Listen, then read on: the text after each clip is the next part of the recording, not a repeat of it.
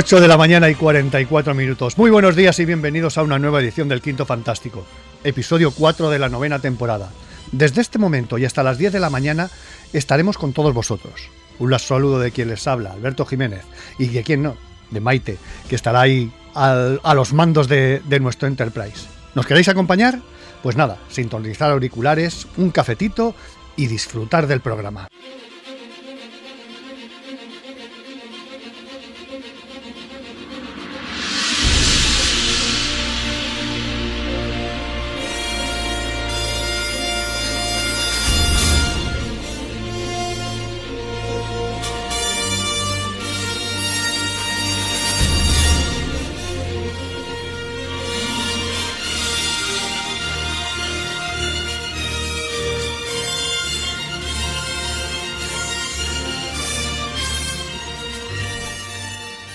Hoy más que nunca esta sintonía de los intocables de, los, de Elliot Ness eh, creo que le pega al programa. No suelto aquello de que toda la información del mundo del cómic hasta las 10 de la mañana. porque hoy, ay, perdonar la voz, eh, porque hoy nos toca hacer un tributo a alguien que, que se nos ha ido en un suspiro, Carlos Pacheco desde familiares, desde amigos, desde el fan, ese fatídico 9, 9, de noviembre que se anunció su fallecimiento, todo el mundo se ha volcado en reconocer su figura, amigos, familia, fandoms. Pero lo que más se ha destacado ha sido en todos ellos, en todos esos comentarios, ¿no? Que se hizo Vengadores, que se hizo Mutantes, que se hizo... No. Se ha destacado su amistad, su trato con la persona que se acercaba a él. El ejemplo lo tengo mm, conmigo mismo. Eh, yo lo veía lo veía como un ídolo, como alguien que, que dio su primer paso para entrar en Marvel. Eh, lo tenía ahí, vamos, idolatrado. Y acercarme, acercarme eh, a él a través, y gracias, gracias sobre todo a la reedición de, de Siempre Vengadores y que me lo firmaran, gracias a, los, a todos los monetes hablando con él en, y lo recordaré toda mi vida, lo recordaré toda mi vida porque fue hablando con él en la entrega de premios, él no tenía ningún premio aquel año, pero estaba ahí, estaba ahí, y acercarme, hacerme una foto y hablar de cómo habían tratado los monetes, con el vino, con las croquetas, en fin, con todo aquello fue realmente espectacular. Estaba hablando con un amigo de la infancia que me había encontrado en el salón del cómic. Eh, sobre todo la manera que tenía de transmitir consejos, ¿no? Todo el mundo, eh, todo, todo quien se acercaba en el tema profesional, eh, tenía un consejo, tenía una palabra, tenía algo de sabiduría eh, para intentar que su camino mejorara. Fijaros si no en la anécdota con Jesús Merino. mucha música de la que escucho es gracias a él. la noche de cafés trabajando, trabajando con él, preparando siempre Vengadores, tensión, mosqueos, pero todo de golpe y porrazo con, con Carlos se arreglaba, oye, vamos a desayunar al Jairo que seguro que ya estará abierto. O la despedida del Torres, fijaros sus palabras, sabes que te admiramos, te queremos, pero no por lo que has logrado, sino cómo lo has hecho. No solo porque nos demostras que, es, que nos demostraste que con coraje, pasión, respeto, aprendizaje y sacrificio se logran los imposibles. Por el camino que abriste, en eso fuiste un maestro, en conocer y respetar amando tu pasión. También Sergio Dávila tuvo unas palabras ahí, sobre todo del día que, que lo conoció, día que jamás olvidará, por toda la inspiración que les ha dado, pero sobre todo porque esas manos expresaban vida. Así que hoy desde nuestro humilde programa intentaremos hacer nuestro humilde homenaje con amigos y fans. Comenzaremos nuestro, nuestro, nuestro primer periplo, nuestra primera, nuestra primera media hora con, con Carlos, con Carlos Jiménez, Carlos Playboy, nuestro librero, nuestro socio. También estará con él eh, el hermano violinista, estará también Sergio Roca, que creo que nos tiene cositas que, contar. Para terminar la última media hora con dos personas que tuvieron la suerte de, conocer a Carlos, de, que Carlos los podía llamar amigos, ¿no? Porque tenían una relación muy, muy estrecha. Uno, es el gurú, José Luis Martínez, nuestro, nuestro, enviado, nuestro enviado especial en, Madrid. Y otro que hace su debut en el programa, una enciclopedia auténticamente andante de, de cómic y de cine, como es Antonio, Antonio Solanas. Es, mm, creo que, que podemos, podemos tener un, un gran homenaje a, a Carlos Pacheco. Así que, sin más, va por usted, maestro.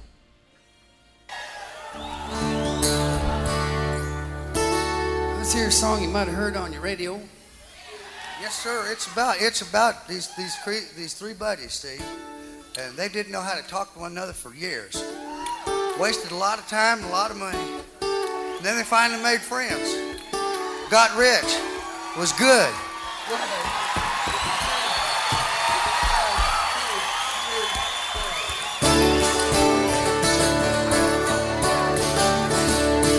Look around.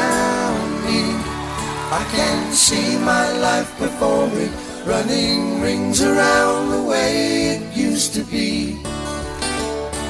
I am older now. I have more than what I wanted, but I wish that I had started long before I did.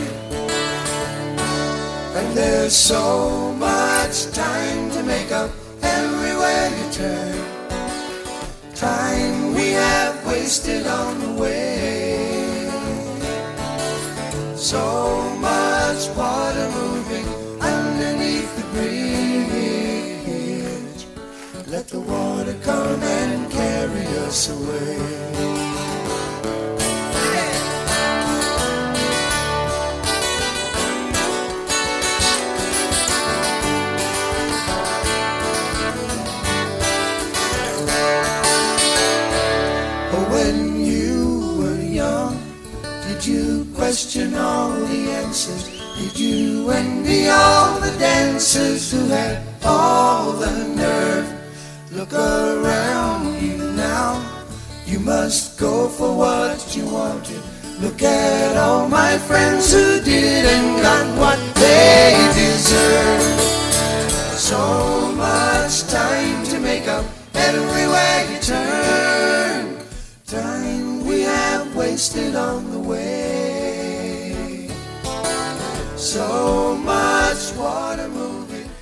Y como no podía ser de otra manera, hoy iniciaremos el programa con el grupo que prácticamente le encantaba a Carlos, ¿no? que es Cross, Steel and Nash y and Joe seguro. Seguro que, lo agradecerá de que, de que estemos con estas notitas.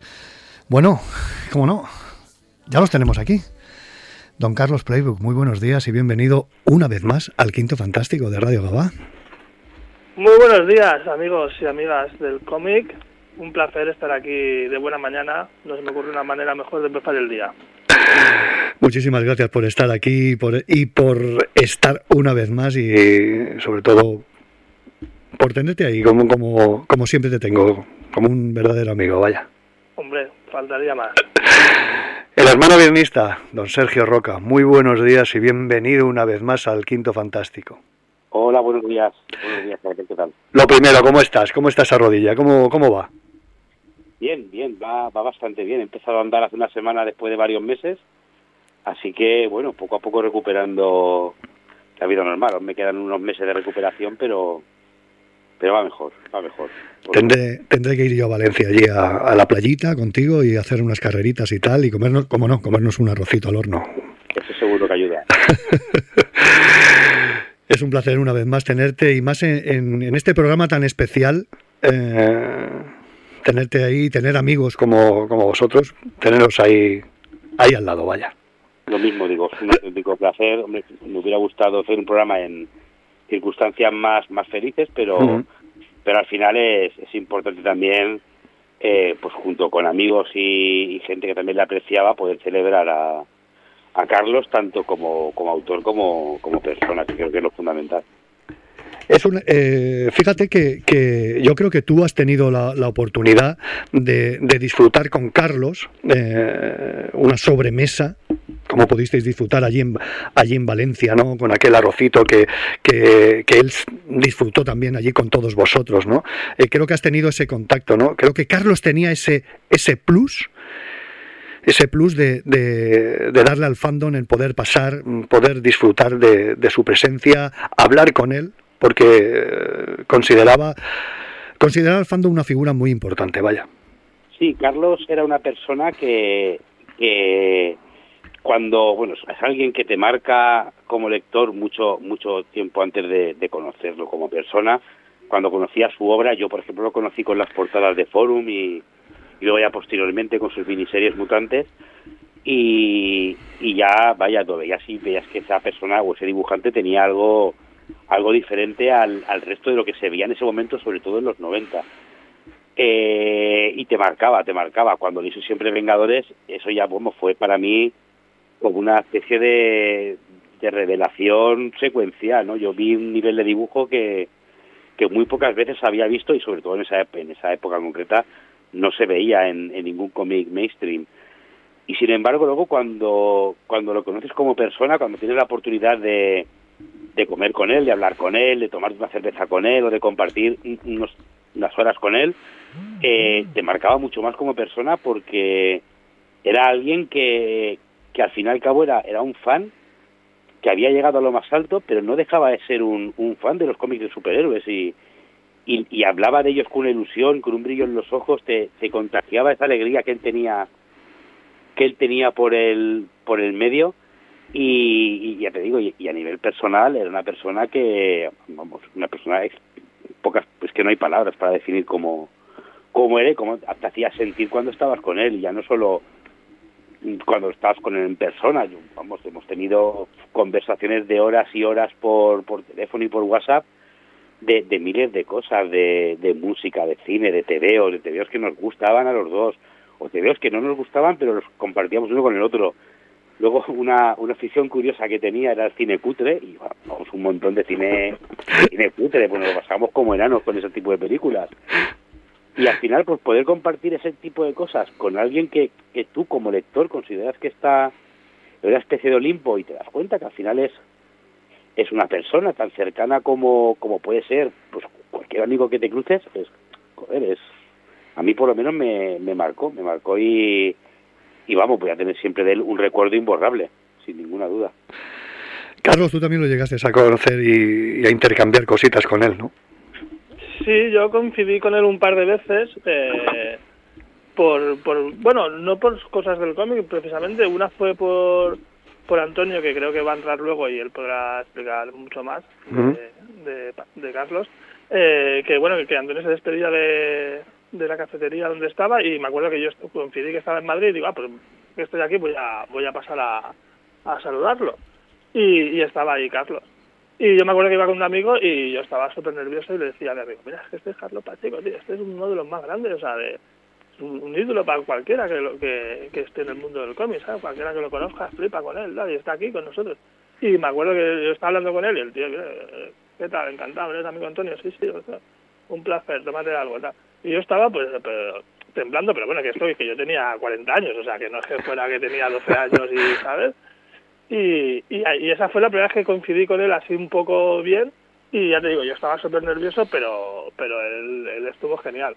Y luego un par de años después coincidí con él en un salón de, de Girona, creo que era, y, y estuve hablando, con él porque ya, ¿te acuerdas? Sí, hombre, sí, ¿qué tal?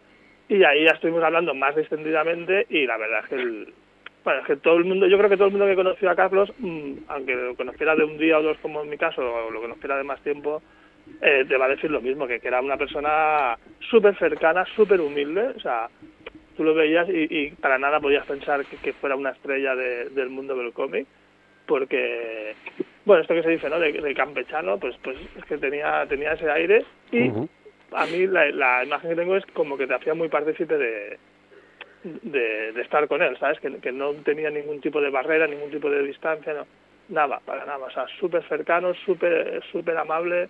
Eh, yo luego lo he visto en salones firmando y, te puedo decir que yo creo que nadie puede tener una mala palabra de él, de si firmó no firmó, si se... O sea, yo, yo creo que, que, que el, el vacío que nos ha dejado Carlos es más en lo personal que, en lo artístico, que en lo artístico pues podemos estar también horas hablando de, todo lo que ha hecho, ¿no?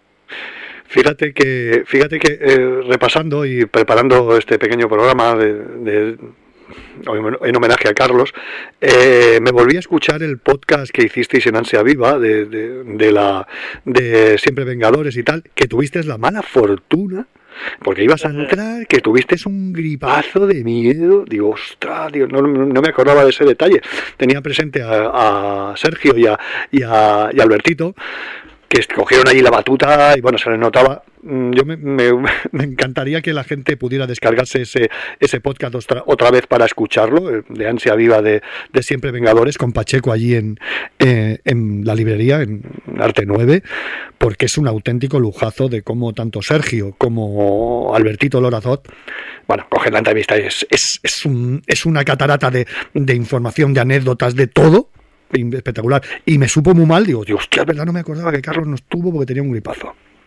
Sí, sí, sí, yo también lo pasé fatal, pero también pensé, bueno, es que es mejor que no entre, pero para entrar y estar así muriéndome en directo, eh, claro, hay, a veces hay que dar un paso al lado y la verdad que quedó súper bien, pero por, por, lo que te decía, ¿eh? porque él es una persona súper cercana y súper amable, súper dispuesta a todo.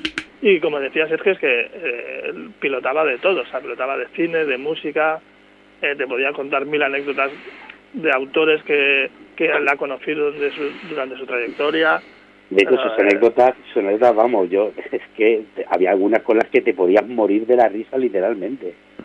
Sí, Sí, sí, sí. Es, eh, bueno, eh, también mm, remitiéndome a otro programa, cuando hacéis, hacéis también el homenaje a, a Pérez y, y Nila Dance, bueno, es que cuenta con una cercanía, con una cercanía con ellos y cuenta las historias, bueno, es, es increíble, ¿no?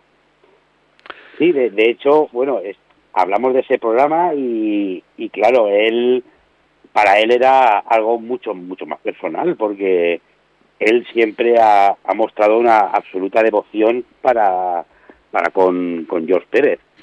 Y, y le oías hablar de Pérez y, lo veías emocionado y te contagiaba esa emoción y, te hacía sentir que, que, tú conocías a George Pérez cuando en la vida nos habíamos cruzado con George Pérez, ninguno de nosotros. Pero es que esa emoción que tenía al contar, por ejemplo, cómo lo conoció, te, te contagiaba, te contagiaba su, su alegría y su emoción. Y luego, pues, es un tío pues, que luego te contaba, por ejemplo, cómo conoció a Neil Adams y cuando empezó a, a Neil Adams a contarle sus historias terraplanistas y todo esto, y claro, y, lloraban de la risa, porque que te meaba, porque además lo contaba con una naturalidad y con una cercanía, y, y él te lo decía, pues, coño, que estaba flipando, igual que estábamos flipando lo que estábamos escuchando en ese momento. Y, y eso es lo que me hacía también tío, un tío muy grande, ¿no? Que, que no te contaba las cosas como para decirte, fíjate dónde he estado yo, lo que he hecho yo, y tú que eres un poco mindundi, ¿no? Al revés, él te lo contaba con, con ilusión de, de, joder, de compartir contigo cosas que a él le habían marcado en, en su vida, tanto personal como, como profesional. Y ah, no creo que al final la, clave un poco de, Carlos es que él era un fan más, o sea, pero que de, siempre lo ha dicho, sus primeras declaraciones cuando cuando hacía portadas para, para Forum o algún póster o incluso estuvo también haciendo algún correo, lo primero que decía siempre es que era un fan, o sea, era un fan de los TVOs de toda la vida y, y, y tú, yo, o sea, yo recuerdo antes de ver los ilustraciones y tal, de leerlo alguna vez en alguna carta, en algún correo, y, y para nada más decía que era dibujante o que se él había estudiado biología, o sea, él iba, para, para médico. Y, y eso, y entonces, claro, la clave es que él era un fan, entonces, claro, cualquiera que hemos sido fan, pues te pones en su lugar, que, que, ¿no? que empieces a trabajar para Estados Unidos, que conozcas a Anilada, que conozcas a son cosas que tú como fan, o sea, es, que lo flipas. Entonces, por eso él, esa manera de que tenía de transmitirlo era porque era de fan a fan. Entonces, al final, eh, por eso era tan cercano y por eso te hacía tan partícipe de lo que te explicaba, porque al final era un fan, no, no era... Claro. O sea, claro que era un profesional, ¿no? Pero, pero primero todo era un fan. Entonces... Eh, pues sentía como un fan, hablaba como un fan y, te, hacía, hacía vivir como un fan también. Yo lo que más me, siempre eh, me ha llamado muchísimo, aparte de, sus trabajos y demás, eso que comentáis, ¿no? De que, de que era un fan y que tenía una auténtica devoción por, por, el, por el tema vértice, porque aunque lo editaron todo fatal, todo nada, pero él siempre hablaba maravillas de, de Vértice. Bueno, yo, yo creo que todo, todo lector de que comenzó a leer TVOs y, le, y empezó a leer con, con Vértice, Marvel sobre todo, eh, creo que tiene ese plus, esa, como, mira, como precisamente dice él, es nuestra Viagra, es la Viagra de los frikis, ¿no? Sí, pues de hecho, además, yo creo que eso se termina reflejando en, en su obra en cierto modo, ¿no? Porque cuando él nos contaba cómo, cómo eligieron los personajes para Siempre Vengadores, al final él tenía algunas cosas que, que decía que sí o sí tenían que estar presentes y eran casualmente eh, miembros de los Vengadores que venían de, la época vértice. Pues venía, por ejemplo, el Ojo de Halcón que había perdido los poderes de Goliath, estaba el Capitán América este después de Imperio Secreto, eh, ¿quién más estaba? Bueno, sí, estaban hacen una parte que es referencia a la, saga de Kang en el antiguo este, que son todos tebeos que, que se editaron por Vértice y que a él de, de una manera o de otra le, le marcaron, ¿no? Y luego también pues su gusto por las cosas peculiares, pues por ejemplo uno de los personajes que dijo sí o sí que tenía que estar era Kill Raven. Sí, sí, sí. Que, es un personaje que yo creo que antes de Siempre Vengadores igual lo conocíamos cuatro y el del tambor.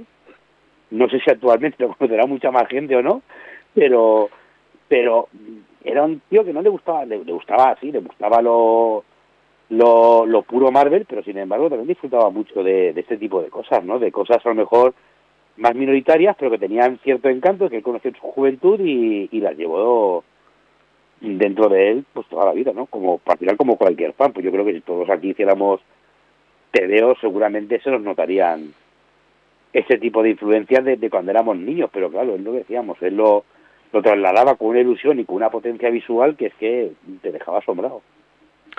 Sí, yo me llamaba mucho la atención eso de que de que cogía muchas cosas de su niñez y, y, yo creo yo creo que de ahí el éxito y el y el triunfar tanto tanto en España porque nos daba esos cameos nos daba esos cameos de que de que te sentías identificado con con, él, ¿no?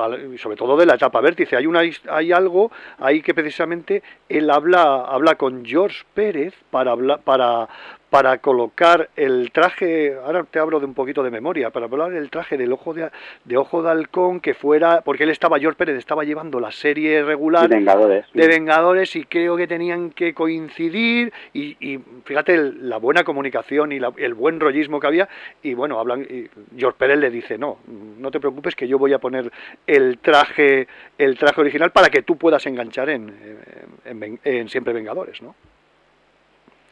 Así era el trato de, de, de, Carlos con, con, todo, con todos ellos, ¿no? Sí, ellos eran, eran muy, muy amigos y de hecho, vamos, la, la, la devoción que tenía, que tenía Carlos por, por, por George Pérez era, era casi infinita. Yo recuerdo, por ejemplo, pues poco después de, no sé, unos días después, dos o tres días después de, de hacer el programa último que hicimos con él en homenaje a, Pérez y Adams, pues me, me, me, llamó y, estuvimos hablando del, programa y que le había gustado mucho y tal. Y, y me dijo, oye, pues podríamos montar otro otro programa que bueno, me pasé muy bien y tal, y a ver si hacemos algo un poquito más friki y más alegre y tal. Y, y entonces estuvimos hablando y, le dije, bueno, pues elige un tema, Carlos. Y me dijo, ah, elige tú uno, el que tú digas lo hacemos, tal. Y le dije, oye, pues ¿qué te parece hacer uno de, de multiversos? Hostia, pues sí, pues estaría muy guay, me gustaría mucho, no sé qué. Y le dije, pero no vale elegir siempre Vengadores. ese no vale, cógete uno que no sea tuyo. Y, estuvimos hablando de diferentes multiversos y me dijo, pues yo ya tengo el mío. Le dije, yo también. Y él me dijo, ¿el tuyo sé cuál es? Digo, a ver, ¿cuál? Decía del futuro pasado. Hombre, joder, claro. ¿cómo, me conoce? y, y, le, y, y, él no, no me quiso no me quiso decir el suyo. Me dijo, yo el mío me lo guardo me lo guardo para mí hasta que hagamos el programa. Y, y yo estoy casi seguro, no me lo dijo, pero por las pistillas que me dio, y por sabiendo lo que pensaba Dios Pérez, estoy casi seguro de que él hubiera elegido Futuro Imperfecto. Y para que, por desgracia, pues pocas semanas después salió el tema de que se confirmó de que no se iba a recuperar y que lo tenía era ELA, y pues se quedó, se quedó ahí, no y pues un programa que nunca podrá ver la luz. Pero luego al final sí que es bonito poder tener eh, ese recuerdo de él, ¿no? El, hablar de estas oh. cosas con él como como un friki más. En esa misma conversación me empezó a contar incluso proyectos que tenía en mente que quería presentar a Marvel y, y, y contándomelo, incluso te hacía partícipe de, su idea, ¿no? Y decía, bueno, pero si la idea es tuya, yo he matado, yo lo único que hago es disfrutar trabajo, ¿eh? Decía, oye, pero ¿tú qué pensarías si pusiéramos uno? Era una historia de los cuatro fantásticos y me decía, ¿tú qué pensarías si hiciéramos unos cuatro fantásticos? No sé qué. Digo, pues sería la bomba. Oye, ¿tú cómo orientarías esto? Digo, yo no tengo ni idea. Fíjate que con 61 años, en vez de Fíjate, con 61 años que tenía, en vez de estar pensando, yo me voy a tomar mi retiro, voy, a, voy a estar un poco, eh, voy a estar un poquito a vivir de rentas, ¿no? Tranquilamente, pero no. Carlos estaba, pum, pum, pum, pum, pum, dándole vueltas a la, a la cabeza para intentar buscar cositas, tal, bueno, la etapa de Capitana Marvel y tal, ¿no? Que, que era un tío que no paraba, vaya. Sí, yo, mira, ahora que ha comentado Sergio del proyecto de los Juegos Fantásticos, también eh, me gustaría explicar un poco lo de su etapa en los 4F.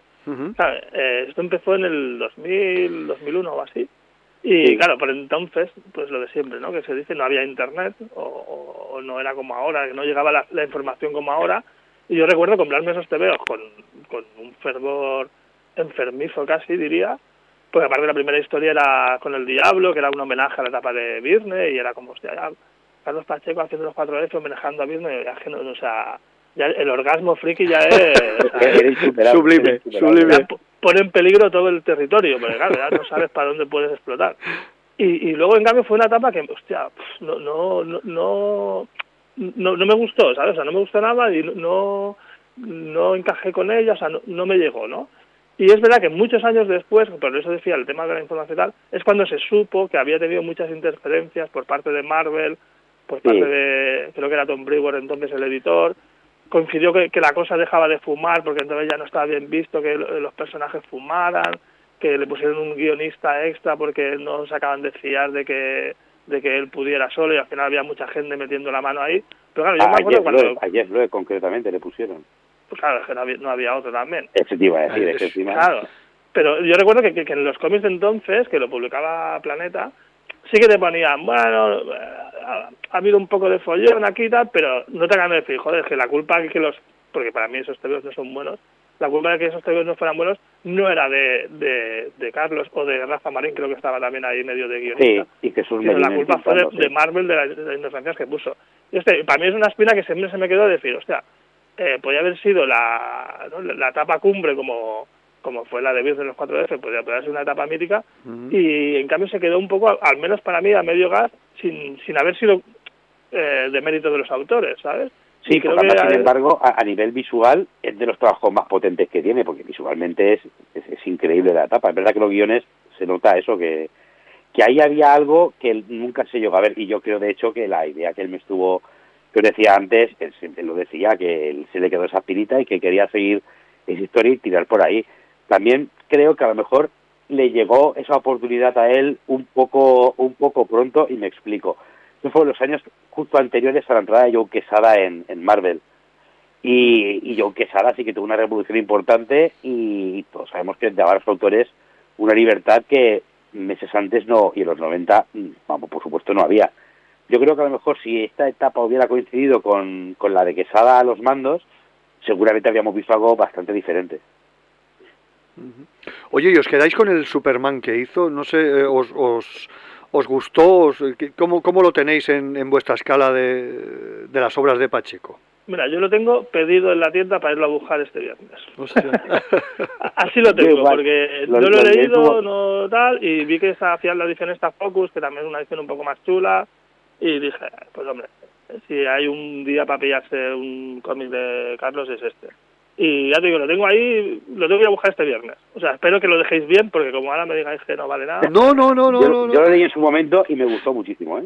Me gustó mucho. También es verdad que el, que el tándem Busiek-Pacheco, yo creo que eso funcionaba a las mil maravillas, como hemos podido ver, luego posteriormente en Arrowsmith, por ejemplo, también. Y a mí me, me gustó muchísimo. Pacheco está a un nivel altísimo. La historia es bastante original para ser un, un Superman bastante diferente de lo habitual pero pero muy fiel a sus raíces, como suele hacer Busiek.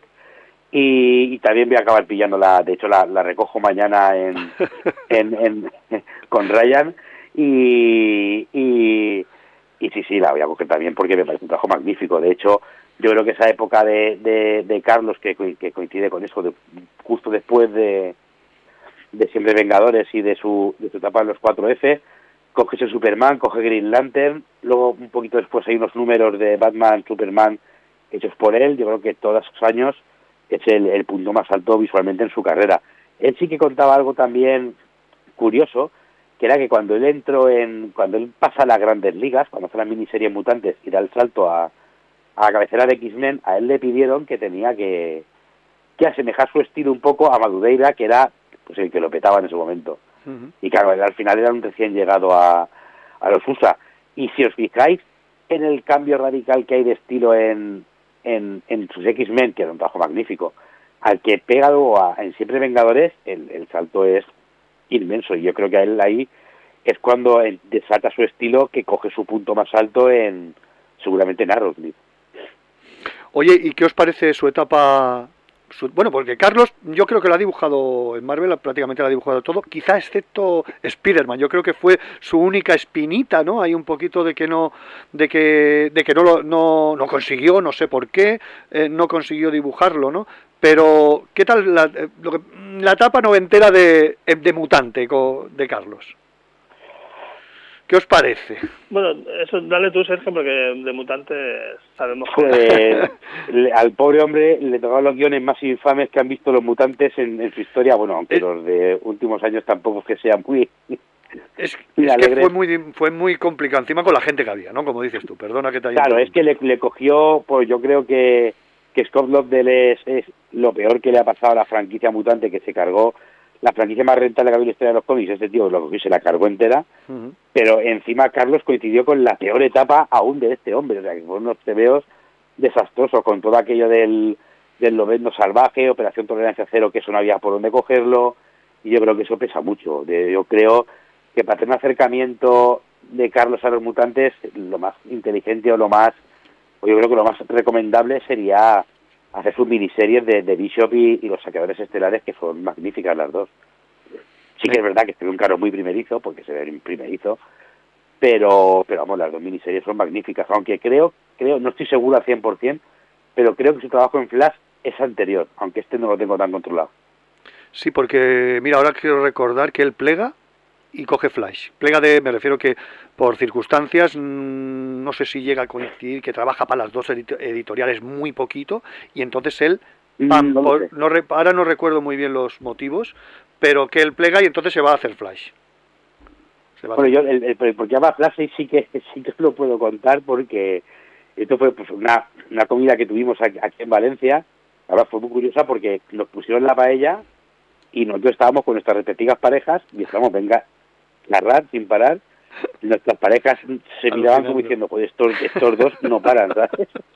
Nos sacaron la paella y a la, pues como a la media hora de estar la paella en la mesa, vino el camarero a preguntarnos si estaba todo bien o había algún problema que aún no habíamos probado la paella. Porque estábamos enlazando unas con otras. Y, y nos contó que, que cuando él porque le dije, coño, cuéntale a, mi pareja en este, momento, digo, cuéntale, cuéntale lo de Marvel y UK, que eso se va a morir de risa, que esa, esa es buenísima. Entonces él, bueno, eso creo que lo ha contado varias veces ya, que él cuando... Cuando van a pedir el aumento, el aumento de sueldo, ¿puede ser? Esa, esa, la del aumento de sueldo. No sé si el editor era Paul Neri, me suena que sí, pero no estoy seguro, ¿eh? pero creo que era él. Dice que, que él fue con, con Salvador La Roca cuando vieron las ventas de sus TVOs en, en la filial inglesa de Marvel, que eran las los periodos más vendidos, fueron a pedirle a, a un aumento de sueldo. Y llamaron al despacho, le dijeron que bueno que estaba con una llamada telefónica y que luego les atendían. Y, bueno, ellos querían pues a lo mejor doblar lo que cobraban por página y cuando les atendió le dijeron, bueno, ¿qué queréis? Hola, pues mira, es que venimos porque tenemos aquí las, ventas de nuestros TVOs pues son los que más venden de la filial, entonces pues nos gustaría renegociar las condiciones que tenemos, no sé qué. Y, le dijeron, el editor les dijo a, Salvador La Roca y a él, ¿y qué parece quintuplicar lo que cobráis por página? Pues claro, que ellos se quedaron blancos, obviamente dijeron que sí, y cuando salieron, pues dice que venga a abrazarse, coño, vamos a celebrarlo, vámonos de fiesta, que estoy que se lo reportó lo alto, y luego se ve que se juntaron con alguien que le dijeron, oye, pues sabéis que esta mañana han llamado a Marvel Luca para decir desde Marvel que cierran mañana la filial inglesa, y claro, se quedaron de un día para otro sin, sin trabajo y, claro, imaginaos la cara que pusieron. y creo que este mismo editor, ya te digo, creo que era Paul Neri, aunque no estoy 100% seguro. O Ton de Falco. No lo sé, es que no lo Creo, recuerdo. creo, creo que era Ton de Falco. No, ahora, ahora, bueno, ya lo miraremos, no te preocupes. Sí, Lo miramos. Y, y este mismo editor fue el que se, se los llevó a los a trabajar a los dos. Oye, yo, mira, ya para, para ir cerrando un poquito, eh, os, voy a tirar un poquito de, que os mojéis, en el sentido de, que creo que el mundo del cómic no está reconocido, siempre estamos pidiendo cosas, príncipes, premios para, para, para lo- los nuestros grandes, como puede ser Carlos Pacheco, Carlos Jiménez, en fin, Jesús Merino, lo meto también. Eh, bueno, eh, yo creo que Qué pena que hay, no sé si será póstumo, pero me gustaría, yo no sé si qué opináis de que habría que darle un gran premio a, y un gran homenaje a nivel nacional a, Carlos Pacheco. Carlos, ¿tú, ¿tú qué crees? Hombre, sin duda, sin duda. Yo creo que más que darle un premio, que se los merecía a todos, habría que hacer un premio con su nombre eh, para, para que se recordara siempre. Al final, eh, la importancia de Carlos Pacheco, más allá de todo lo que hemos dicho, es que fue eh, el pionero en esto de hace 30 años o más de cruzar el charco y trabajar para Estados Unidos a, a nivel formal. O sea, sí que había habido autores españoles que habían trabajado para el mercado americano, pero que habían hecho un álbum a lo mejor, ¿no? Habían hecho una historia, habían hecho tal. O sea, Pacheco y también La Roca eh, fueron los, los que dieron el salto definitivo y, y se consolidaron ahí y, y tú podías coger un TVO americano de la Patrulla X y ver que había un dibujante español ahí dibujando los personajes de toda la vida. Entonces yo creo que ese mérito que ahora ya estamos cansados, por así decirlo, ¿no? de, que haya autores españoles eh, triunfando en Estados Unidos y oye, es una suerte y, y aparte son todos buenísimos y, y maravillosos. Pero pero como, como pionero, como el primero, para mí, y creo que para la mayoría de gente, el primero que se vino a la mente fue, fue él, fue Carlos Pacheco. Y creo que, Sí, que sí. se le haría honor poniendo un premio, pues eso, al, al, al mejor autor de este año que haya dado el salto a Estados Unidos, ¿no? De- porque al final cada año es verdad que, que cada vez hay más. Yo creo que iría más por ahí, más que, que también se merece obviamente un premio a, a toda la carrera, pero pero yo creo que es que se le haría más más honor, o sea, más homenaje eso porque sería continuado, o sea, al final de aquí 10 años que aún se dijera, pues mira, el premio Carlos Pacheco de este año al autor que ha cruzado el, el Atlántico para trabajar en Estados Unidos es Pepe, no sé qué, Sí, ole. tienes todo. Yo tota- totalmente de acuerdo. Yo creo que el Premio Nacional del Cómic debería llamarse Premio Nacional del Cómic Carlos Pacheco. Correcto. porque él es que ya no es que abriera la puerta a que fueran otros autores españoles a trabajar para el mercado americano, es que la tiró a patadas la puerta. O sea, la puerta la derribó, la derribó con una fuerza como pocas veces se ha, se ha visto, por lo menos en, en España. Y estos autores americanos que allí, de buenas a primeras, pues arrasaron, pero mm, no autor español que llegue allí con la fuerza que llegó, con el ímpetu que entró y, con la potencia visual que tenía, yo, eso fue, vamos, sin dudo no sé si la, la actual ola que hay de, de autores españoles eh, trabajando para, para los USA sería posible si no hubiera sido por, por esa entrada fulgurante de, de Carlos. Fíjate que yo comentaba que Sergio Dávila eh, comentaba eso, que, que, que gracias por, por, por hacer esa entrada, por, por hacer, por darnos ese, ese camino a, a, a seguir, ¿no? Y creo Mm. que Carlos lo hizo, rompió, mira, como tú has dicho perfectamente, dio una patada y abrió la puerta y, y vamos, y abrió ese camino que parecía imposible, ¿no? De que alguien, un españolito, pues tirara millas y, y se presentara Mm. allí para, para dibujar. Oye, nenes, que ha sido un placer teneros aquí, teneros un ratito y poder compartir eh, estas cositas con vosotros. Oye, espero para a ver si a ver si conseguimos y hacemos un, tenemos que hacer un el- tenemos que hacer el- algo de, de cine. Se nos ha quedado un poquito Doctor Extraño y, y Wakanda Forever. A ver Pues si a ver si de cara al mes de diciembre conseguimos una mañanita y, y nos juntamos todos otra vez y, a- y haremos un repasito. A, a- no nos vamos a centrar en una, vamos a- hablamos a ver cómo está esta esta esta quinta fase, ¿no? La bueno, fase 4, ¿eh? Fase cuatro, perdón. No sé la que ya. Yo, No, no tardemos mucho porque si yo puedes Wakanda ahora- ya no me acuerdo mucho, ¿eh? La vi el día del estreno, han Bueno. pasado 10 días y... Llamaremos- Ya, ya estoy Pues ahí que cuando se me hables- ahora, con otras ahora, cosas. Albert, ¿eh? cuando hables con, con Antonio, si Sí. puedes, si tenéis la ocasión, Sí, que te cuente la anécdota de Christopher Lee. vale, no Porque me digas. Seguro, seguro que No Carlos, la- seguro que Antonio la conoce. Va- oye, pues eh, ahora mi- mira, mm, ya me has dicho bastante para deciros adiós, poner música y, y que... A la calle, claro. si- No, no, es que Cristo... Hemos sido los teloneros. ¿eh?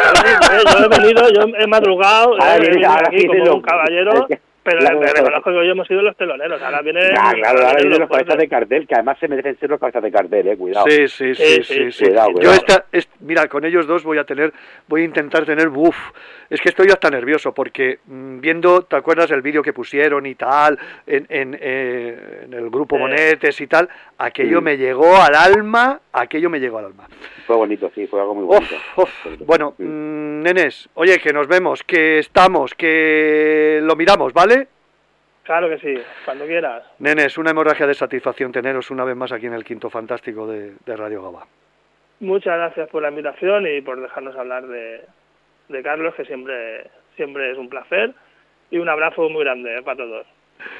Vale, nenes, un abrazote. Digo, Igualmente un abrazo para todos y no olvidemos nunca a Carlos. ¿eh? Es una persona que merece ser celebrada cada vez que le damos un tedeo. Un abrazo para todos. Hashtag Carlos Forever.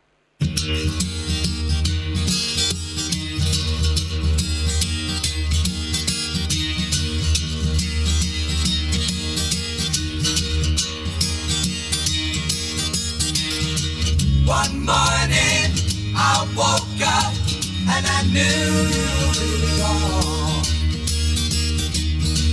A new day, a new way, and new eyes to see it all. Go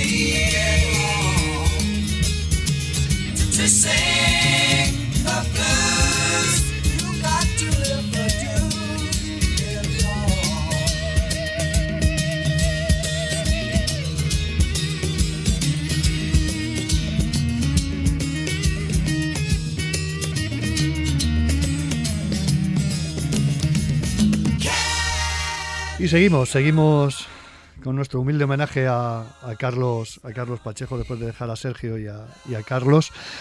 Y nos vamos con, bueno, no sé.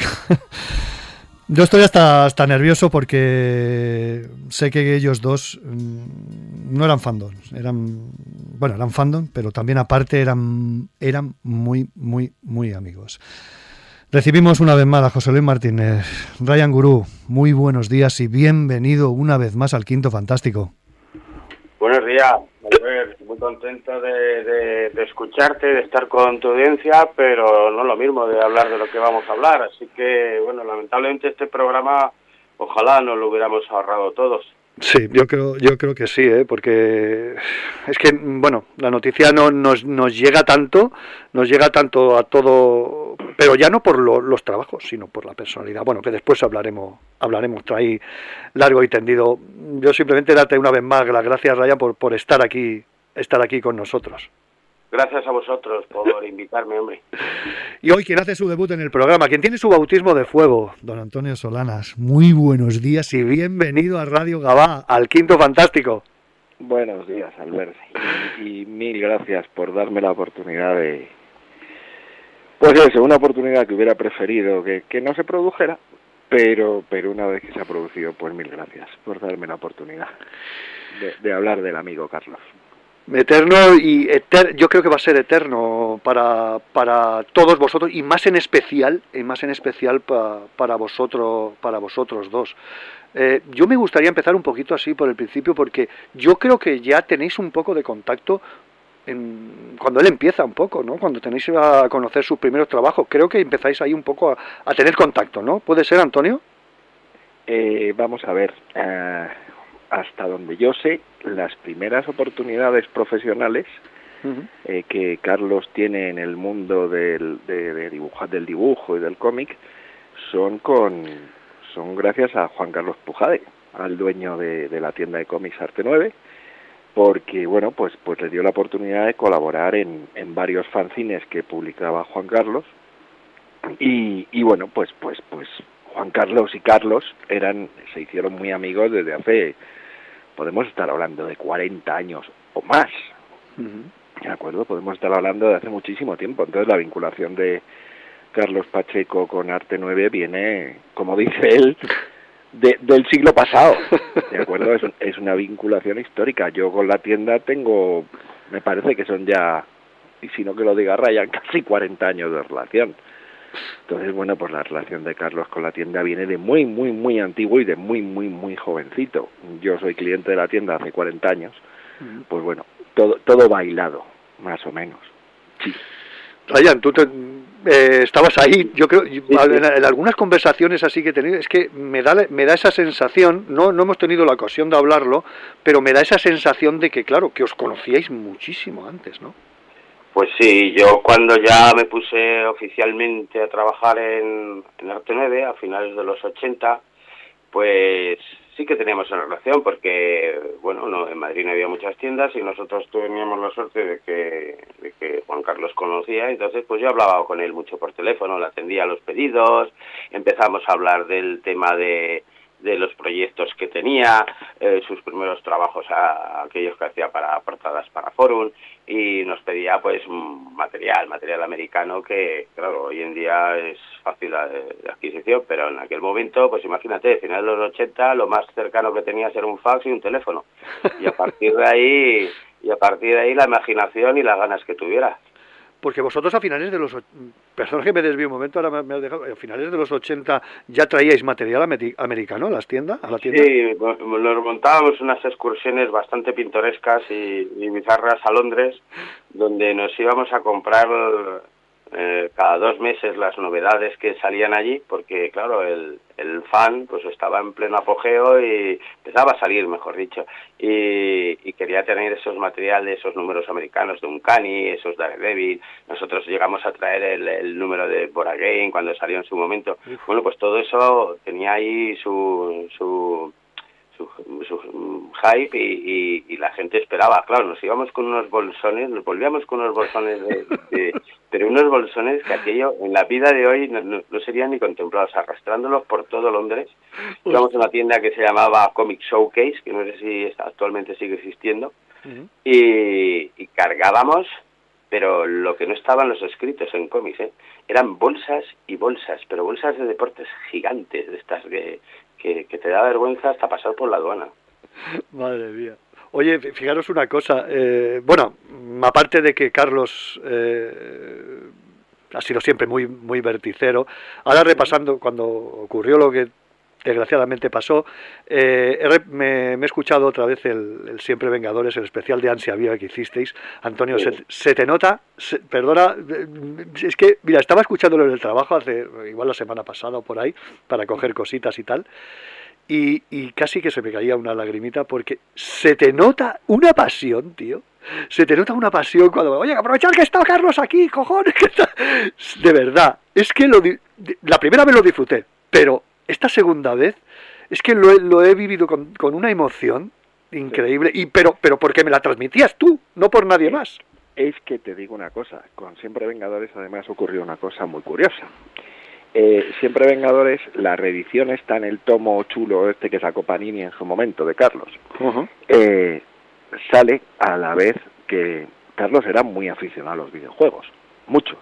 O sea, le pegaba a la Play 4, 5, 3, le pegaba mucho a todas las, a las videoconsolas. Bueno, pues en el momento en que sale ese cómic, yo estaba, yo tenía la cafetería de Fnac Callao, y Carlos, el día de la salida, no me acuerdo de cuál de los Assassin's Creed, se tenía que ir a Estados Unidos y lo tenía reservado en Madrid. Me llamó corriendo, Antonio, coño, que tengo la reserva, por Dios, vete a recogerme el juego por lo que más quieras, que cuando hagamos la presentación de Siempre Vengadores te lo recojo. Dios, ves, sí, maestro, no te preocupes, que, que lo tienes recogido. Me fui, se lo recogí y tal. Hicieron la presentación del tomo en la FNAC de Callao y me dijo, ¿te has leído los extras del tomo? Digo, sí, he visto que hablabais, digo, una historia que yo no sabía, que siempre Vengadores surge de una idea desechada, que era Whirling Chains, que era que hubiera pasado en Marvel si los nazis hubieran ganado la guerra, en fin, una que joder, qué pena, tío, que esto no se pudiera publicar al final y no se publicó porque parece ser que DC sacaba algo parecido, bueno, alguna historia de estas de las miles de anécdotas que tenía Carlos. Joder, cómo hubiera molado ver a los superhéroes con uniformes nazis. Uf. Y me dice, ¿te hubiera molado? Digo, pues sí. Y me dice, toma, por recogerme el, el Assassin's Creed del juego. Y me regaló un original de los cuatro fantásticos, los cuatro fantásticos vestidos con uniforme nazi. Madre mía de mi vida. Como no tengo nada en caja fuerte en mi casa. no te digo más. Sea, Vale, un vale, original de Pacheco con los cuatro fantásticos con uniformes nazis, macho. Carlos era así. Yo le había recogido el juego encantado como le hace Claro, favor a sí. cualquier amigo. Sí, sí, sí. ¿Sabes? sí, sí. Y va y ¡pam! Me viene a la Black y me suelta aquello. Digo, tío. Bueno, en fin, ¿para qué te voy a contar? Me lo imagino, me lo imagino A que mí, lo... a mí ese, ese cómic, el Siempre Vengadores, me... Y además eso, lo presentó en FNAC, en fin. Eh, Fue muy divertido, la verdad es que, es que hemos tenido tantos ratos divertidos con él que Sí. es imposible enumerar uno solo. Es muy difícil. Es imposible. Oye, Ryan, ¿crees que le quedó una asignatura pendiente a, a, a Carlos el no haber dibujado a Spider-Man? Porque lo dibujó todo. Yo creo que lo ha dibujado todo, pero le quedó un poquito algo de, de no sé, una, la espina de haber, poder haber, haber dibujado a Peter Parker. Ojalá hubiéramos visto, ¿no? A- Algunos números dibujados por él de Amazing Spider-Man, desde luego, hubieran sido de, de lo más recordable por lo icónico, no por el, por el artista, sino por lo icónico del personaje haber pasado por, por sus manos. Eso fue, fue lamentable. La verdad es que ahí Marvel no estuvo, bueno, últimamente no está nunca a lo que está. No. Y, y lamentablemente jo, unos números de una mini saga dentro de la colección hubiera sido ya el broche para bueno ya tenía para mí ha tenido siempre ah, hay dos reyes vale uno sabemos quién es es eh, Kirby, Kirby. Y, y en España si tenemos que tener un rey ha sido Carlos Sí, sí. Bueno, Él decía, él decía que afortunadamente no le habían mandado dibujar Spider-Man. Era coña, por supuesto. Ajá. Decía, porque tú sabes el coñazo que es pintar las telarañitas una por una. Digo, bueno, coño, eso se lo encargas al entintador y ya está. ya está, tú. Decía, tú sabes el coñazo que es pintar las telarañitas una por una. Y yo, vale, tela. Oye, Antonio, Carlos lo tocaba todo. Profesor de educación, ay, perdón, profesor de física. Practicó Biólogo. taekwondo. Pa- para, era, era biólogo. O biólogo, perdona, sí. Era biólogo, era biólogo, artista marcial.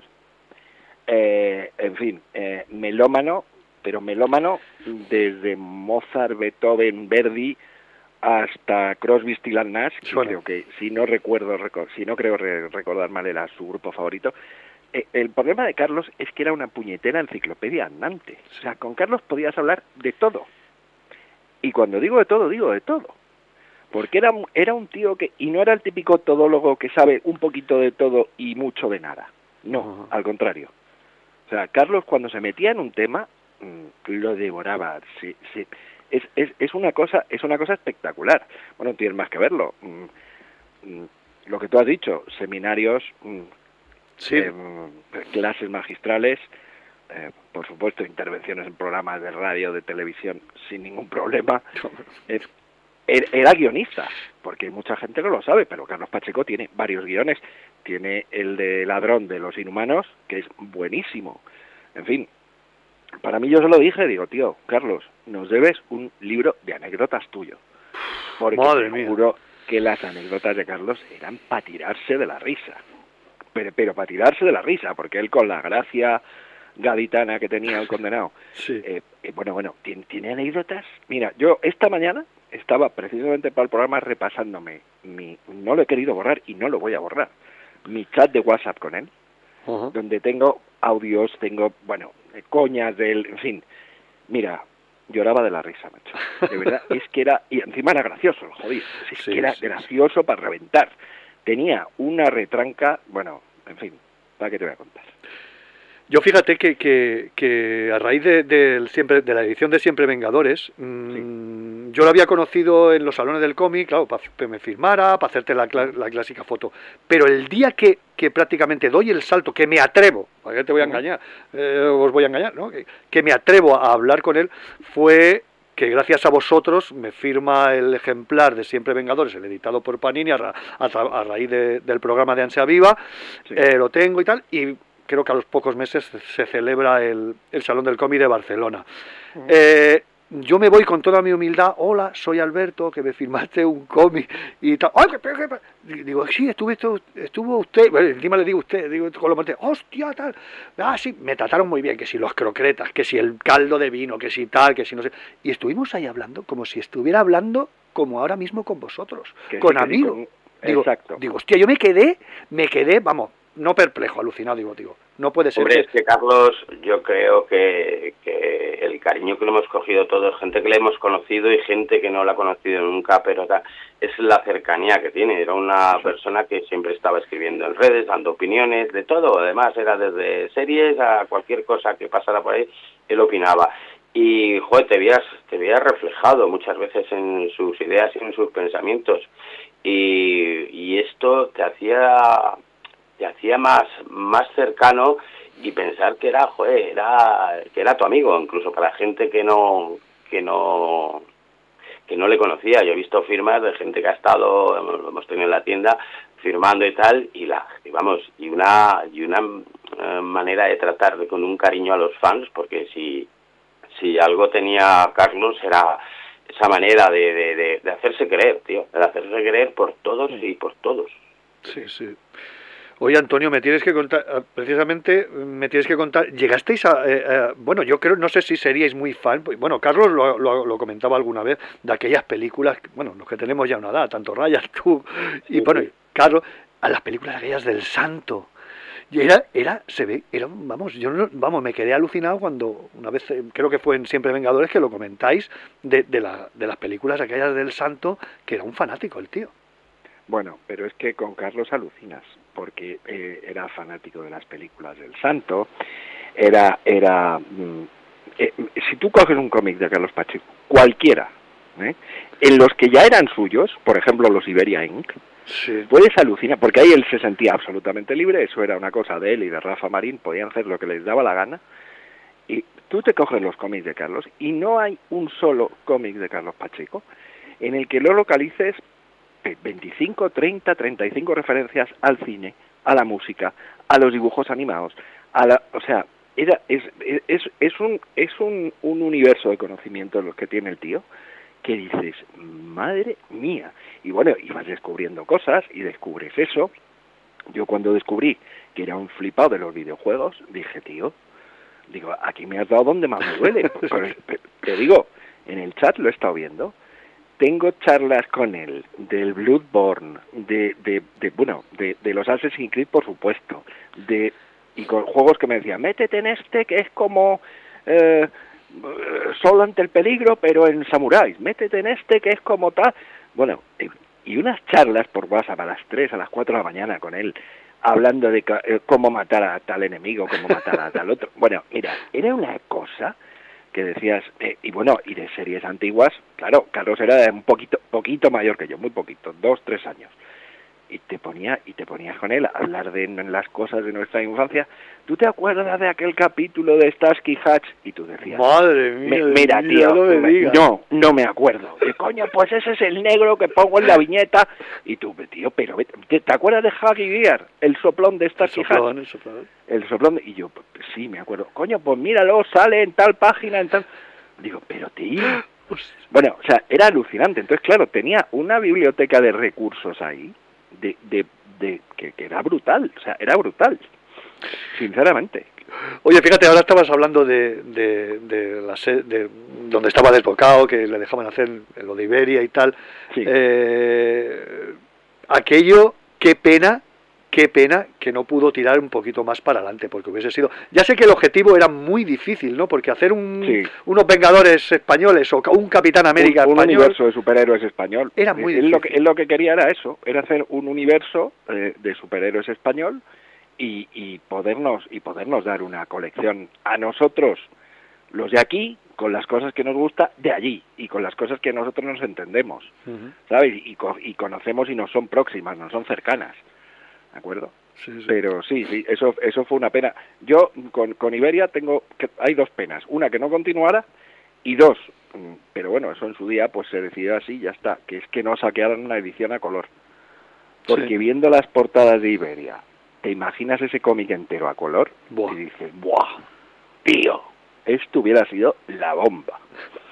Oye, Ryan, Bomba. Ryan ¿quién ¿tú sabes ah, quién tiene los derechos de, de- de- de Iberia o los tiene...? Pues imagino que en su momento eso fue publicado por Forum y si no se ha perdido en la noche de los tiempos, seguirá en Planeta por ahí en algún en algún cajón ahí perdido de, la mano Es de que el Dios. tomo, el tomo, el tomo no me acuerdo. Ryan, el tomo. Luego posteriormente lo publicó Dolmen, me ese, parece. Ese, ese, ese es de Dolmen, ¿verdad? Sí, el segundo tomo es de Dolmen, pero bueno, yo creo que, que era un era un proyecto que, que, que era de la mano de Carlos y sin Carlos eh, no ahora, pero Sí. en su momento ya liado con otros otras cosas eh, en otras editoriales, eso nunca hubiera salido adelante. Desde luego los los fans recordamos ahí con cariño Liberias de Carlos, si ahora viniera cualquier dibujante, por muy bueno que fuera, no sería lo mismo, nos No, eso no faltaría ahí, nos No. faltaría algo. Entonces eh, ahí se ha debido de, de, de juntar una serie de, de factores, pues eso, el, el- trabajo de Carlos en otras editoriales, en otros proyectos como Aerosmith y sobre todo que, que, que sin él eh, ese proyecto no saldría adelante. Oye, vosotros que lo teníais, que, que lo conocíais de cerca, yo seguro que os lo habrá contado, lo habríais hablado seguro alguna vez, porque el salto que da él para irse a- al universo, al universo de superhéroes a, Estados Unidos, eh, ser el primero, no saber que te... Mira, precisamente eh, Sergio lo decía, dar una patada, dice, es que Carlos dio una patada allí en la puerta y entró, oye señores, aquí estoy yo, ¿no? Eh, y os traigo esto. Eh, le resultó muy difícil, o yo creo que por el carácter de Carlos no, de- eh, no sé si sería muy difícil o cómo sería. Vosotros igual tenéis más información de ese tipo, ¿no? Bueno, empezó en eh, la primera patada a la puerta fue en Marbelucá, que según entró, Marbelucá se cayó. Eso lo, Sí. lo, lo cuenta. Esa- lo eso lo comenta él siempre. Dice, Siempre, yo no sí. entiendo cómo he tenido éxito en el mundo del cómic. Me voy a Marvel, me voy a Nueva York, que me parece recordar que con Salva la Roca fue su primera excursión. Me parece recordar. Eh, nos vamos allí para que nos conozcan y tal. Sí, venga, os vamos a dar esto de Marvel UK. Y llegamos nosotros a Marvel UK y lo cierran. Dice, ala, se acabó. Vuelvo a la biología. ¿Sabes? O sea, esos fueron sus inicios. Y ahí le tienes, donde ha acabado, ¿sabes? O sea, un tío que llega a una editorial, dibuja unas cuantas cosas, Marvel UK, eh, y aquello resulta no tener el éxito comercial que se pretende y lo cierran, pues esos son los inicios tuyos en el mundo del cómic mainstream, pues imagínate, el, cualquier otro hubiera dicho, "Mm, ah, evidentemente no valgo para esto.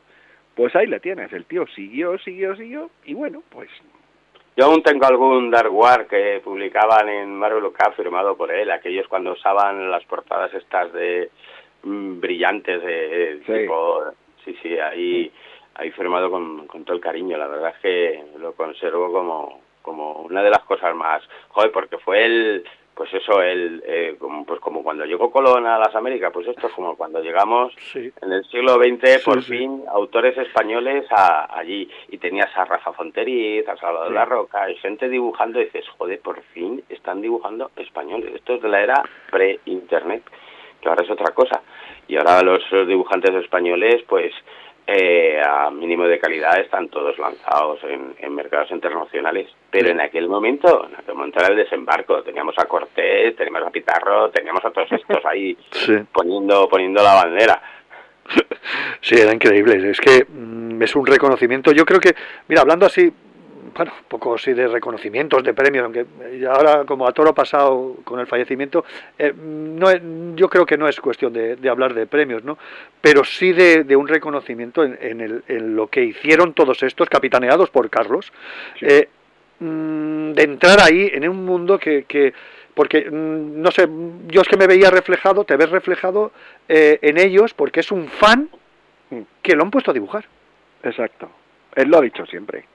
Él lo ha dicho siempre. Que él, primero, él, él hablaba siempre de historietas.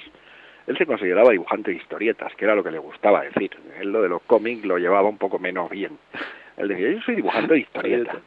Y entonces lo que pasa es que, bueno, pues también lo decía, dice, yo, yo los superhéroes, bueno, pues porque era lo que se vendía, pero que a él lo que le, lo que le gustaba era dibujar historias y contar historias. Hay, hay un libro buenísimo, complicadísimo de encontrar porque está prácticamente agotado, que se llama La aventura gráfica de Carlos Pacheco de Planeta, que es sensacional. Es donde ves el origen de Carlos desde, desde sus dibujos de 6, 8, 10 años a sus fanzines y sus primeras colaboraciones en pósters y, portadas de Forum. Y, ahí se ve perfectamente cómo fue la evolución desde, desde crío, desde chiquitajo, haciendo cosas, ¿sabes? Ahí se ve perfectamente. Eh, pero pero es un, es un tío que yo creo, fíjate, yo creo que el máximo reconocimiento de Carlos le llegó ahora en los últimos mm, cinco años, seis años, en que Marvel siempre lo reclamaban y lo decía él, para lanzar colecciones. Oye, que vamos a hacer cable. Carlos Pacheco los dos primeros números. Sí. Con portadas de Carlos Pacheco. Oye, que vamos a hacer Carlos Pacheco el primer número. Eso, cuando quieres lanzar una colección y se la das al, al Megastar, pues, pues es señal de algo. Sí, sí. Es señal, ese es el mejor de los reconocimientos, yo creo. Le, Marvel le cogía y le ponía en el primer, segundo número, tercero de casi todas las colecciones que le podían interesar, porque sabían que yendo dibujada y con portada de Carlos Pacheco, aquello iba para adelante seguro. y pasó con cable y pasó, en fin, y dices, bueno, pues, pues ahí lo tienes. Fíjate que a raíz de, a raíz de esto de, esto que comentas, eh, precisamente en los 90 en los 90 es que mm, él se pone a dibujar dos, dos, dos series que no quería dibujarlas, que este, parecía que eran eh, no prohibidas o tenían miedo, no lo sé. Sí, malditas. Malditas, exacto, que unas son mutantes, X-Men y otras Vengadores, ¿no? Sí. Sí. Y bueno, Ryan seguro que, que tiene más, no sé si tienes más información de por qué mm, él dice, me voy a dibujar esto. Hombre, yo eh, no, no tengo más información que la que comentábamos cuando hablábamos. Oye, yo creo que era una persona que, que dibujaba lo que le gustaba. Ya en, en, un, en un mundo de, de superhéroes, eh, él, él quería hacer otras cosas, ¿no? Cuando ya estuvo ya bien establecido, pues siempre tenías eso y conseguir, por ejemplo, como, como consiguió un guionista como Burgusiet y poder hacer un proyecto como Arrowsmith, que al que yo eh, fue el parto de la burra, porque hasta que salió y tal, eh, se eternizó, pero bueno, Carlos dibujaba al fin y al cabo en el momento que tenía su mejor posición lo que más le gustaba, aparte de los encargos y sus contratos, eh, podía saltar y, tenía la suerte de, dar calidad a cualquier cosa que, pasase desapercibida en un momento. Pero fíjate que eh, yo quizá me refiero más a, al, al, a que mientras otros tenían no sé si llamarlo miedo, respeto, o como había dicho Antonio, eran malditas, que no nadie se atrevía a cogerlo. Él dice, no, no, yo yo cojo, yo no, no dármelo, darme. Valoria al toro, ¿no? Como diría que. Claro, porque era muy torero, claro, se, llegaba ahí y, y, se ponía los lápices en la cabeza y a, hacer las cosas. No, no, no le tenía no le tenía miedo ni, ni, ni vergüenza poder coger eh, colecciones míticas que hubieran estado anteriormente en Adams, por ejemplo, que era una de sus vacas sagradas no, yo creo que el hombre eh, sabía lo, que quería, lo que le gustaba y ahí no se cortaba ni un pelo y, no tenía pues, ni, ni, vergüenza en el momento de dibujarlo, bueno, no tenía que pasar ninguna porque su calidad era extrema. los, los X-Men los cogió por, por petición de Marvel, pero la, la, el momento Vengadores lo hace porque para él, y siempre lo decía, era su grupo favorito y para él uno de los mejores cómics de superhéroes, no hecho por él, por supuesto, era la saga de la corona de la serpiente, de los Vengadores. Que decía que para él era lo más de lo más de los Vengadores. De hecho, me parece que Panini sacó hace relativamente poco dos o tres números de recomendados por Carlos Pacheco y recomendados por Salva la Roca, y me parece que precisamente el de Carlos el de, es el de la saga de la corona de la serpiente. Y se titulaban así, Cómic recomendado por Carlos Pacheco. Cómic recomendado por Salva La Roca. O sea que... Sí, sí, no, en, en ese aspecto, yo- sí, se lo he escuchado dos o tres veces decirlo que la, la saga de la corona de la serpiente, dice, sí. puede... Joder, y- y una con- saga muy grande, es épica, ¿eh? Es uno de los momentos de, de estando en fricadas, eh, de los momentos mejores que tiene los Vengadores como equipo, como, como, como grupo y como aventura. Vamos. Oye, una cosita también, una persona, a ver, mm, la tienes eh, conocido de, de oídas y tal, bueno, y por, por todo lo que ha hecho en el mundo del cómic, es Rafael Marín. ¿Qué relación tenía con, con, con Carlos? Uf. Pues yo creo que eran e- eran casi como de- de- vamos me, y, me, y me atrevo a es que cuando hablo de terceras personas siempre me da un poquito de pudor pero era lo más parecido yo creo a un hermano que Carlos podía tener que podían estar más alejados o más separados hablo de distancia no de otra cosa Mm. pero estaban siempre ahí sabes Rafa Marín Carlos Pacheco Carlos Pacheco Rafa Marín fueron muchos años colaborando en Cuatro Fantásticos eh, Iberia Inc el libro de Rafa Marín, eh, la, la tesis doctoral de Rafa Marín sobre los cómics Marvel, se la, el prólogo se lo hace Carlos Pacheco. Yo creo que yo creo que eran dos, dos gaditanos ahí hermanados, pero desde, desde el origen, ¿sabes? O sea, yo, yo, vamos, prácticamente como hermanos, Rafa Marín barra Carlos Pacheco, Claro. Carlos Pacheco barra Rafa Marín. Sí, es que ¿sabes? me ha llamado mucho la atención porque sí, todos los trabajos que habían hecho y tal, pero claro, uno, hostia, tendrían que tener una relación mucho más de, de profe- aparte de profesional, tenían, yo creo que tendrían que tener algo más, ¿no? Y Sí, sí, sí, sí, sí, sí, ya, ya te lo digo yo, con sus peleas y sus discusiones que te metes en el Facebook y lo ves, ¿eh? que tenían opiniones muy discrepantes de muchas cosas, eh, yo, yo solo espero, y, y, y cuando hable con, con la familia se lo diré por Dios, no borréis los hilos de Facebook de Carlos. No. O sea, que no los borréis, porque hay cosas ahí que merece la pena leerse de vez en cuando, porque de verdad ahí, ahí... Había, yo había veces que, que él escribía algo en Facebook y le escribía por privado en WhatsApp, le decía, "Mm, por favor, maestro, me lo explicas, Me lo- que no, en- no entiendo qué cojones estás queriendo decir, porque a- a- escribía con una segunda intención y con una retranca muchas veces que le tenías que decir, Carlos, mm, ¿qué ha pasado? Porque no entiendo nada de lo que has escrito.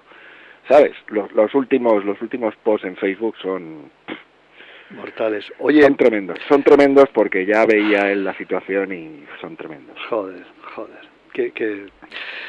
Eh, Ryan, seguro que estaréis preparando, me imagino con Albertito y todo, toda la troupe, estaréis preparando ahí algún especial ahí bueno de... Sí, queremos, eh, bueno, pues desde aquí que nos escriba, no sé, todo, queríamos tener un, hacer un especial, pues un poco como lo estás haciendo, gente que tuviera contacto con él, que hubiera conocido, no tiene por qué conocernos a nosotros, pero bueno, toda esta gente que, que en un momento dado ha tenido relación, pues hacer una especie de, de, de homenaje final, ya que desgraciadamente eh, solo ha tenido un homenaje en, en su pueblo, en San Roque, y que yo creo que es un poco que a mí me da vergüenza, ¿no? Que estar en Madrid, una ciudad como Madrid o en ciudades como Barcelona y que no se haya hecho algo especial, Correcto, algo especial para Carlos, algo donde nos hubiéramos reunido todos. Me correcto. parece lamentable. Le queremos todos muchísimo, le hemos querido todos muchísimo, pero que ningún rollo asociación cultural ni nada, de, con todas estas cosas que hay del cómic, que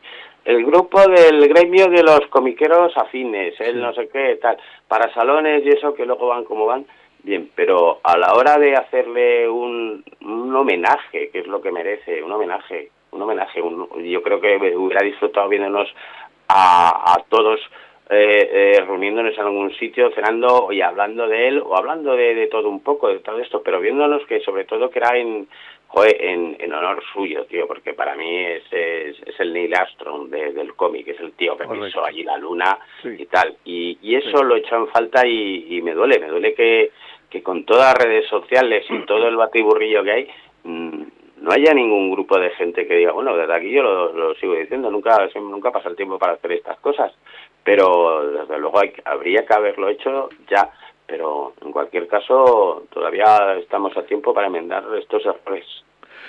Bueno, se nos echa el tiempo encima. Oye, simplemente, me la ha dicho Sergio, eh, Sergio Roca. eh, Antonio, tú, la anécdota de Christopher Lee, ¿tú la sabes? La anécdota de Cristo. ¿O a Ryan? Me di- dice, dice, dice, oye, que os cuente uno de los dos, no sé quién la sabe. Dice, pero uno de los dos, la anécdota de Carlos Pacheco con Christopher Lee. Y yo soy muy, muy, muy, muy, muy de Christopher Lee. Bueno, es igual, si no la, no la sabéis, ya intentaremos recuperarla. Me has dejado pillado. Ostras, pues mira, me, me lo ha dicho Sergio Roca, dice, dice, dile a Antonio y a Ryan que te cuenten la anécdota con Christopher Lee. Digo, bueno, pues ya. ahora, ahora le pedí- que te digo que lo mismo me la ten- me- lo mismo me la tengo que saber yo porque me la contó, pero es que te digo, si tuviera, mira, una de las cosas que yo le dije a Carlos en su día, Carlos, ¿y por qué no ponemos todo esto en un cuaderno? Claro, es Que que yo es no sé si él lo tendría, pero si pudiéramos tener en un cuaderno todas las anécdotas, historias, todo lo que Carlos Pacheco te puede contar y todo lo que le pasó en su vida, te juro que va- vamos, era, era un libro apasionante, aparte, Sí. aparte para, los- para nosotros los frikis, Buah. para los que les guste el cine, la música, las series, eh, los videojuegos. Es que te digo, es que lo tocaba todo. Qué pena, ¿eh? Qué pena porque Es que lo tocaba eh, hubiese, todo. hubiese sido, yo lo veo con películas, con videojuegos, con cómics, con historias, con anécdotas, eso hubiese sido un bestseller directamente. que le- lo yo te digo, yo os invito a repasar un, un programa que hicimos en, en la FNAC con la gente de Carne de Videoclub, con Carlos Pacheco y Paco Fox. Justo.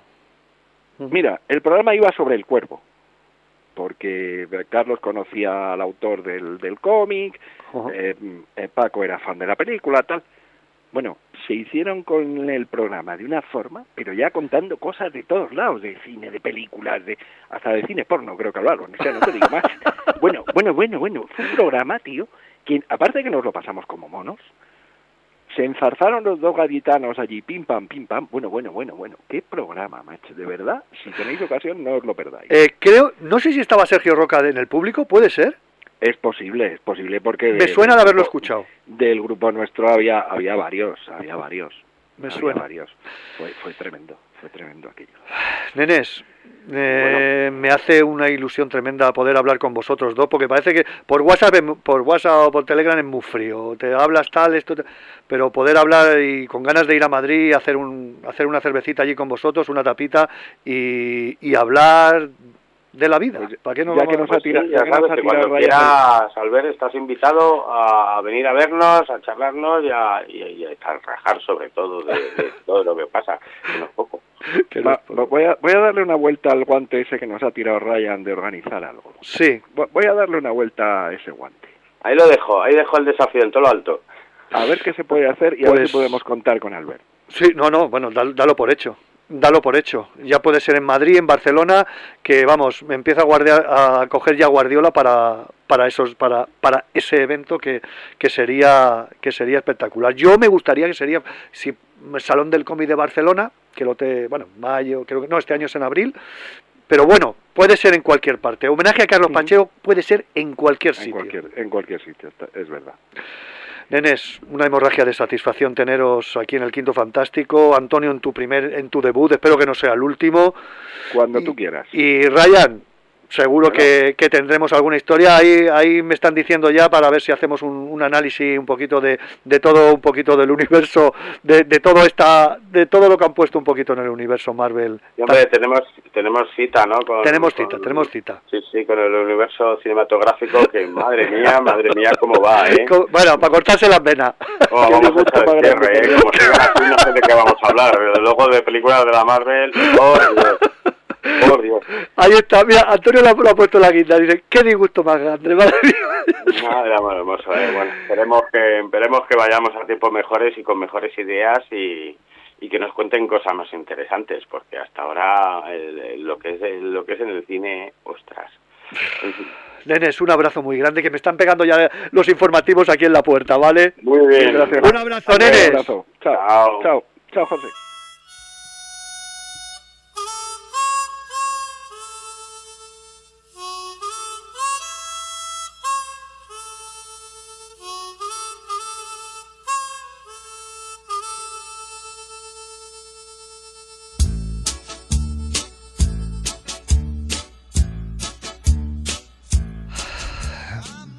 sido una hora y cuarto muy intensa. Eh, nos falta, que lo hablaremos la semana que viene, nos falta Carlos Pacheco. Eh, y, intentaremos tener, recuperar algunas cositas suyas para, para, para estar con él, simplemente con eso. Nenes, nenas, un abrazo y muchísimas gracias por haber estado aquí en el Quinto Fantástico de Radio Gabá. Gracias a todos nuestros invitados y simplemente deciros nuestro humilde y pequeño homenaje al gran maestro. Va por usted, maestro.